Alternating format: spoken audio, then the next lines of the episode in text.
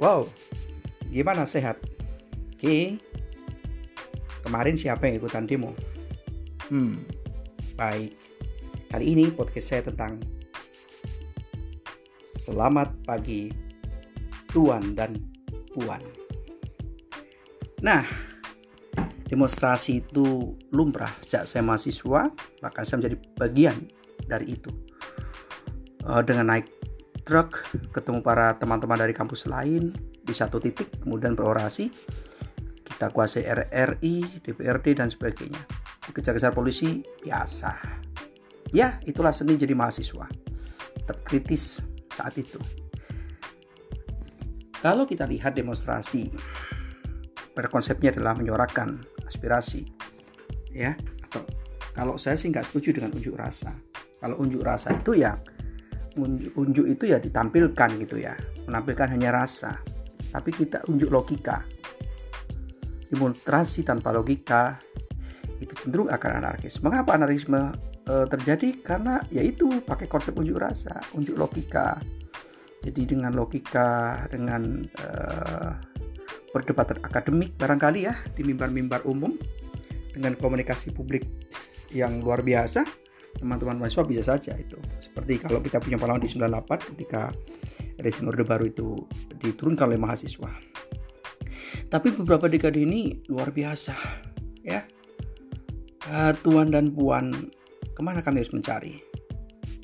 Di saat tuan dan puan uh, palu mengesahkan sebuah undang-undang yang konon berpihak pada kesejahteraan uh, para pekerja saya tidak akan menyebut buruh. Karena pada prinsipnya buruh, wira swasta, para pegawai itu adalah para pekerja yang mereka yang bekerja di instansi, di wira swasta dan sebagainya. Tapi prinsipnya mereka adalah bekerja, sebuah aktivitas di mana manusia melakukan sesuatu, ya, yang berguna. Uh, puan dan tuan, kalaupun negara ini harus dikendalikan oleh tuan dan puan, ke mana pula kami harus mengadu pada tuan atau puan. Kira-kira demikian uh, terlepas dari sebuah apa namanya kepentingan-kepentingan pihak atau menyalahkan menyalahkan pihak itu hal di luar konteks sebenarnya kita yang dibahas adalah konteks dari substansi undang-undang barangkali. Saya tidak paham karena saya bukan ahli hukum. Tapi saya melihat bahwa saya akan pernah menjadi sebuah pelaku di mana demonstrasi itu sebenarnya hal yang lumrah unjuk logika itu hal yang lumrah. Maka di situlah sebenarnya ketika publik, ketika masyarakat memiliki daya kritis. Jadi negara ini akan maju, Indonesia itu maju bukan hanya ekonomi saja, tapi ada perimbangan antara legislatif, eksekutif, yudikatif, dan yang keempat adalah media massa.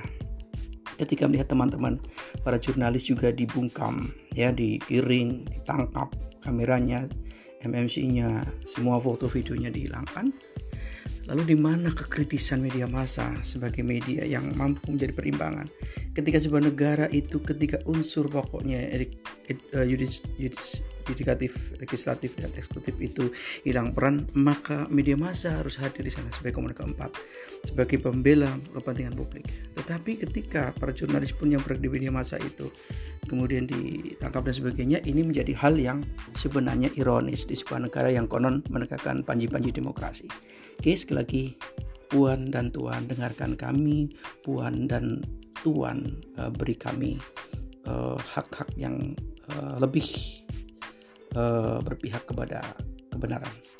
Kalaupun Tuan dan Puan adalah pemegang negeri ini, maka ingatlah bahwa yang mengantarkan Puan dan Tuan adalah kami, suara-suara rakyat. Terima kasih. Selamat Assalamualaikum warahmatullahi wabarakatuh.